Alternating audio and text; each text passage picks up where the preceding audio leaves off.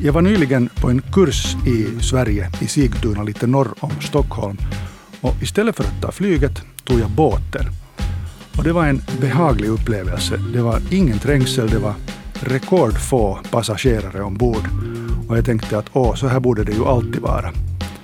Men så tänker jag förstås inte rederierna som gör stora förluster. Och samtidigt är det inte bara den här trängselproblematiken och pandemiproblematiken som rederierna får kämpa med, utan också miljöfrågor. Efter att ha diskuterat flygskam en tid så kan det hända att vi kommer att börja diskutera båtskam. Välkommen med i pengarnas värld, Kim Wikström. Tack så mycket. Du är professor i industriell ekonomi vid Åbo Akademi och eh, expert på sjöfartsfrågor och, och de facto också samarbetar med rederierna i, i, i fråga om forskning, eller hur? Det stämmer, ja, absolut. Och speciellt nu har det ju varit intensivt när det, det är förstås en ganska exceptionell situation som vi har på gång här. Ja, verkligen.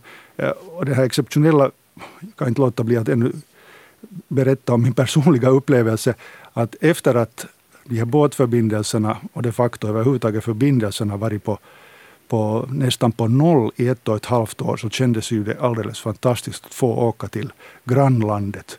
Vilket undantagstillstånd vi har levat i när, när inte ens vännerna i, i, i Sverige har kunnat åka hit och, och vi dit. Eh, samtidigt så den här brytningstiden som innebär en kris, man brukar alltid säga att det ger möjligheter. Och jag vet att det är det som du funderar på när du samarbetar med rederierna. Kan du berätta lite om forskningen där? Ja, det stämmer och, och, och egentligen så kan vi gå lite tillbaka i historien för att om vi tänker då på 1950-talet och sånt när eh, egentligen det här ska vi säga det blev fritt att röra sig i Norden och, och, och man då började bygga de här fartygen. Så det var ju en eh, likartad situation, att det var en sån här större trendbrott i, i samhället och, och en förändring och, och, och, det var egentligen det som ju då skapade den här, den här ska jag säga, kryssningsindustrin och, och då kombinerat med frakt. Så att det var ju på sätt och vis en, en, en eh, väldigt eh, omvälvande tid som, som, som då uppstod. Och den har ju sen haft olika skeden där man då både har skapat nya teknologiska innovationer och nya passagerarupplevelser och sånt, men att eh, det är klart att det är väl ingen som hade förutspått att den chock som vi nu har fått via den här pandemin, att vilken inverkan den kommer att ha på samhället och, och, och, och då är det ju speciellt de här eh, resebranschen som vi vet som har ju drabbats hårt och, och den globala kryssningsindustrin har ju haft en, en, en, en verkligt tuff situation med över 400 fartyg som då har stått mer eller mindre stilla och, och under snart två års tid. Och, och sen också då förstås här i vår när, när, närområde så har ju de här, eh, våra Sverigebåtar har ju, har ju också då stått, Eh, eller inte stått stilla men att i varje fall liksom drabbats eh, hårt både vad det gäller liksom då ekonomin och, och överhuvudtaget de kravställningar som, som man nu sitter och funderar på. Och det är ju mycket det som vi också nu arbetar, eh, både med att försöka förstå vad är den här effekten från den här, vad kunde den vara, vad är liksom de positiva sidorna som vi kunde få från den här krisen. Men det är klart att samtidigt så jobbar vi också ganska mycket förstås med det här mer kortsiktiga, att hur man ska överleva. Vi ska tala mera konkreti ännu här. Eh, samtidigt tänkte jag nu konstatera att, att det är ju inte förstås bara kryssningsindustrin som vi talar om, utan överhuvudtaget så är ju havsförbindelserna otroligt viktiga för Finlands export. Eller all export sker ju mer eller mindre Nästan all export sker per, per eh, båt, per fartyg. Och, och finländska fartygsbyggare är viktiga för den finländska ekonomin. Så på sätt och vis är här ännu mera på spel än, än, än bara då mina resor till Stockholm. Men om vi börjar med att bena ut, utgående nu från, från min personliga upplevelse att det var så härligt när man kunde vara ensam på däck och titta på den vackra skärgården. Och det var ingen trängsel i taxfree-handeln och, och ingen trängsel på restaurangerna. Är det det här som är framtiden? Färre passagerare? No, det, det, det, ja, vi, vi gjorde en större äh, undersökning om det här, en enkät som vi då skickade ut till, till eh, passagerare som hade haft samma upplevelse som du och, och, det där, eh, vi fick ju samma respons, att det kändes väldigt eh, trevligt att, att kunna röra sig på fartyget utan att trängas. Och, och, och, och det, det, är klart att det är någonting som, säkerligen bör beaktas i den här diskussionen om hur man går vidare, men att kontroversen är ju förstås den att miljömässigt så kan vi ju inte knappast acceptera det att vi börjar ha färre passagerare och mera ton som rör sig där per eh, passagerare så att säga. Så att här finns ju egentligen nu nu när vi talar väldigt mycket om den här pandemifrågan så den är ju förstås en sak som vi kommer att beakta och, och, och bör beakta vad gäller liksom säkerhet och, och, och sånt här. Men en mycket större fråga så är ju förstås miljöfrågan. Och, och, och då är ju den här ena den här, ska vi säga, frågan som vi tampas med just nu tillsammans med olika teknikleverantörer och annat. Hur kan vi skapa den här upplevelsen av att du på sätt och vis har ändå en, en, en, en större känsla av att, att det inte är trängsel eller så mycket människor ombord, fast du egentligen har samma människoantal ombord, att du ännu har eh, 5000 människor ombord och, och det där ändå kan du gå eh, till valda utrymme. Så det här är ju en av de, att hur kan vi påverka egentligen det här äh, sättet hur vi reser och hur vi eh, fördelar de här upplevelserna för att de här fartygen, precis som om vi jämför med landsidan, vi hade ju väldigt mycket kontor och, och om man tänker på skolor och universitet så väldigt mycket utrymme som stod tomma för det, en, stor del av, av, av dygnstiden och, och samma gäller ju fartygen vad som gäller till exempel restauranger och, och, och de här eh, olika teatrarna vad de har så de står ju tomma för det mesta och, och, och, och det betyder ju att miljömässigt har vi en, en otrolig belastning på den här och, och det här är ju en sak som är intressant att hur vi kan med digitala lösningar och annat och hur vi kan hitta en större flexibilitet eh, och, och effektivare använda och ändå skapa en bättre upplevelse. Det är en sak som vi liksom nu jobbar intensivt med att, att eh, försöka hämta in i de här, de här nya fartygsbyggena. Under den här samma resa till Sverige som jag nu redan har hänvisat till så eh, märkte jag också att svenska restauranger, det kanske gäller Finland också, på annat håll, på, också på annat håll i Europa och världen, så har man gått in för att man gör beställningar med mobilappen redan före man kommer till restaurangen, vilket betyder att man inte behöver stå i kö ifall det handlar om hämtmat alltså till exempel. Är det, är det den här typens lösningar som du, som du talar om? Att man sköter, jag, jag fantiserar nu uppköpen från taxfree med, med mobilappen och sen bara hämtar du din kasse istället för att gå där omkring och trängas. No, det är ett jättebra exempel liksom på det, för nu blir vi, ju, vi har ju blivit duktigare på att eh, beställa mat hem och, och också vad det gäller sen, alltså både vad det gäller liksom livsmedel och sen eh, sån här take away eh, mat. Det, till, så jag menar, det är ju en sak som säkert många ser framför sig att om, om hytten är sån så, så att, att den, den på sätt och vis erbjuder en, en, en lämplig miljö så kanske man ibland hellre tar maten till sin hytt och sitter där och ser på en film eller någonting sånt här så att då får vi ju redan en större spridning av, av passagerare. Så det gäller liksom att fundera ut den här typen av koncept och, och taxfree som du stod upp så är också ett jättebra exempel att vi har ju ganska mycket eh, nu kartlagt de här så kallade hotspots att var det finns just trängsel och trängsel betyder ju också större risk för spridning av, av, av, av infektioner och annat så att det där eh, på det viset så blir det ju nu att den här kartläggningen som görs och hela den här den här, den här chocken som kom så har ju då lett till att man utvecklar nya, nya protokoll för hur man ska eh, vad, vad de här rederierna bör beakta. Och det är ju då på sätt och vis ett sån här, en sån här tvångsmekanism först, men, men den kommer ju sen i, i, i, i längden att leda till nya, nya sätt vad det gäller både materialval och, och, och hur man överhuvudtaget då styr de här passagerarströmmarna. Att om man nu har ropat 17.30 är det happy hour och så springer ju då mm. gänget till andra sidan fartyget som gungar till så kanske det finns mer sofistikerade metoder i framtiden just för att eh, också om vi tänker på hissar, det finns ju mycket hissar ombord på de här eh, fartygen där både personalen och eh, passagerarna åker, de, de är ju de facto i väldigt uh, hård användning. Mm. Uh, och, och, det där, och, där, och det är ju ett ställe var folk trängs ihop, så också där finns det möjligheter att uh, minska på det på sikt förstås kan man tänka sig att uh, taxfree hämtas med en robot eller med maten hämtas med robot i hytten och sånt här. Det finns ju den typen av lösningar tekniskt sett till de lite mer krävande fartygen rör på sig och sånt här, så, eller gungar och sånt här. Men att det är klart att på kort sikt så kan vi göra vissa saker och på längre sikt så tror jag nog att vi ser mycket större omvälvningar.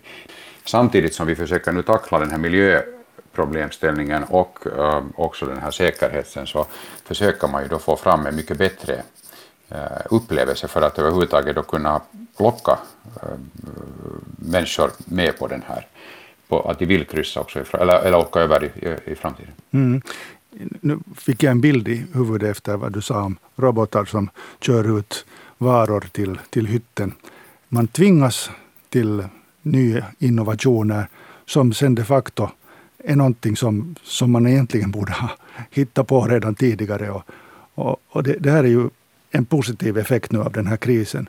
Det är ju egentligen en sån här, som är intressant att, att, eh, att vad är det som eh, eh, vad kan vi snappa upp nu från den här Eh, perioden som vi också nu när vi har frågat av, av resenärer som har åkt över så det finns ganska intressanta och delvis också överraskande infallsvinklar som just det här med trängsel men sen också att det här med, med, med att hur man går ombord på fartyg, hur man kommer bort och sånt. Så det finns många detaljer som på sätt och vis sen äh, kan ha en ganska stor påverkan på det här framtida fartygslayouten. Vi diskuterar här i Pengarnas värld med professor Kim Wikström om rederiernas framtid, kan man väl säga. Eh, en fråga förresten som jag har tänkt på under senaste tiden. Hur stor del av, av passagerarrederiernas ekonomi är varutransporter? Är det betydande eller är det, är det uttryckligen passagerarna som hämtar in pengar? Nu är ju de här eh, rederierna så är ju väldigt viktiga i, vad det gäller just den här, på de rutter som de kör, så de har ju en, en, en mycket dominerande och stor Eh, del av frakten eh, som, som, som då om man ser på liksom totala materialflödena just på de här rutterna så det är ju väldigt mycket som transporteras med de här. Sen om man ser helt på att hur stor inverkan det har på deras ekonomi så, så, så är det ju som så att det är ju en, en mindre del, det rör sig mellan 10 och 20 procent. Nu har det ju varit högre förstås. Nu när passagerarantalet har kommit så starkt neråt. Men att eh, här finns en annan aspekt förstås som är väldigt central som du tog upp här tidigare. Just att eh, vi är totalt beroende av sjötransport i både Eh, när allt går väl i samhället också sen om det blir krissituationer. Och det här är ju liksom en livslina för, för samhället att hålla igång och för välfärd för industrin och annat. Så att det där, på det viset finns det en annan sida som också man ibland glömmer bort att de här rederierna har ju en, en, en, en, en, en funktion att, att hålla samhället eh, igång så att frakten har en betydelse men det är klart att eh, ekonomiskt är det inte tillräckligt för att det skulle, det skulle liksom bära sig. Samtidigt har rederierna satsat på inhemska rutter, det vill säga både i Sverige och, och i Finland har, har båtarna gått till exempel till Höga kusten eller till Kotka, vilket ju är trevligt men då löser man ju inte den här exportfrågan förstås på något sätt. Nu när de åkte upp till Höga kusten så åkte de ju då från, jag tror de for från Stockholm och så får de via Mariehamn för att få taxfree och, och, då hade man ju också bilarna på däcket som man kunde fylla bilen med, med taxfree och sen får man då det upp. Så då använder man ju på sätt och vis kapaciteten men att eh, det är ju inte som de här fartygen är liksom då direkt eh, ämnade för. Samtidigt så vet vi ju att eh, kryssningstrafiken har ju ökat mycket i Östersjön så också de här stora kryssningsrederierna globalt hämtar ju fartyg på sommarsäsongen och annat som då besöker också Helsingfors och Stockholm och, och sånt här. Så vi vet att det finns en, ett, ett intresse och det finns många aktörer. Och, och då är det ju förstås frågan om att hur våra de här så kallade ROPAX, det vill säga fartygen som tar både eh, passagerare och, och, och frakt, att hur kan de i olika situationer eh, då delta i det här skulle man kunna då tänka sig att, eh, att de vissa dagar eller ska vi säga vissa perioder när det är lågsäsong så satsar de på, på en annan rutt. Bra att de nu prövar på olika koncept. För det gör också att de eh, går ut från sin comfort zone och jag tror att det är en av de mest centrala sakerna. Det är nog inte vi som kan ensamma, vi kan vara med som en katalysator och hjälpa till med vissa saker men de måste ju själva nog vara en väldigt aktiv där de på sätt och vis mentalt också är beredda att tänka om. Om man tänker på Kvarken, eh, eh, det här nya fartyget Aurora Botnia som då inte de facto är ett privatrederi utan det är ju så de fick ju sitt nya fartyg igår. Ja, och, och där, där tog man, när man tog bort tax... Vasa. Ja, mellan Umeå och Vasa och där är ju då taxfree då när den föll bort så det har ju varit en ganska lång period av kräftgång men de har ändå förstått att den är liksom livsviktig den här äh, mobila bron som de kallar det. För att det är inte liksom frågan om en, en kryssningsupplevelse utan det är frågan om, om, om regionalt samarbete mellan Finland och Sverige. Mm. Om vi sen ännu diskuterar det som precis alla företag måste ta ställning till och, och klara av, det vill säga hållbarhetsfrågor och miljö. Eh, hur ser utmaningarna ut för, för rederierna när vi tänker på miljöfrågor?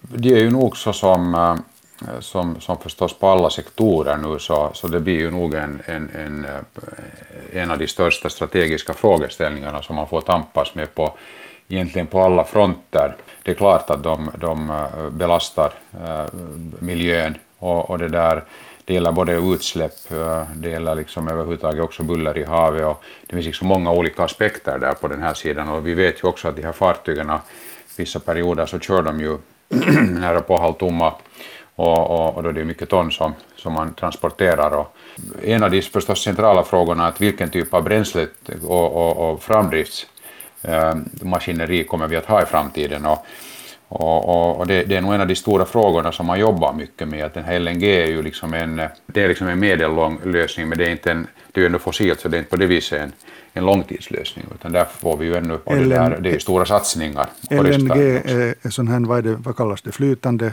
vad är det för flytande gas? Ja, liquid natural gas som det ja, ja, så det är liksom på sätt och vis det som till exempel Viking uh, Grace kör med. Så att det, där, det var ju det första väl i, i världen som så att uh, här har ju finländarna varit väldigt framme på den här teknologifronten och, och, och så att där ändå det som vi talade om där i början att det här är ju nog också, den här miljösaken är ju nog en, en möjlighet sen också för Finland.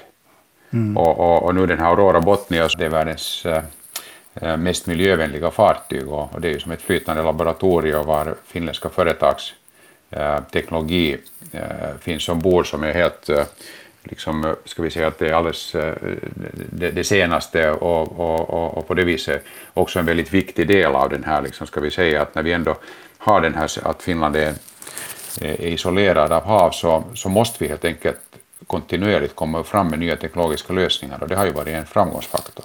Sen samtidigt är också den här att, eh, att man, det finns ju mycket än med det här att hur du kör de här fartygen, hur du, vilken hastighet du har. Och det har väldigt mycket med här ruttval att göra. Att, eh, det fanns ju en tid där man sa att snabbare och snabbare och, då vet vi också att mm. belastningen blir mycket, mycket stor. Och, och nu om jag lite kopplar till, till den här liksom allmänna stationen på Östersjön och fartygstrafiken så, så har vi gjort undersökningar som visar att av de här fraktfartygen använder bara 35 eh, procent eh, av sin lastkapacitet. Så det betyder ju det att, eh, att vi har väldigt mycket tomma fartyg som fortlöpande åker om, eller halvtomma fartyg som åker omkring på havet.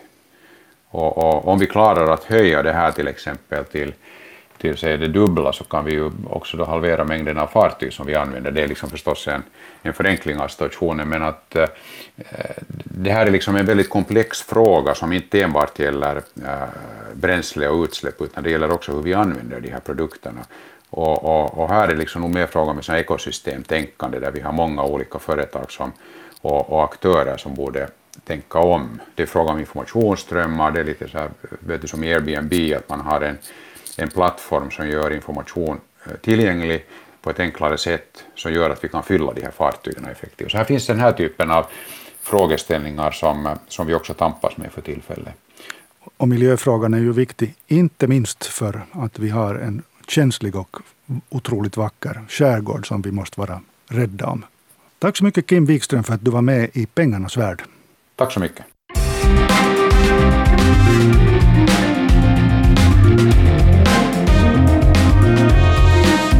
Du har just hört I pengarnas värld med Pekka Palmgren. Nästa vecka nytt tema och ny gäst.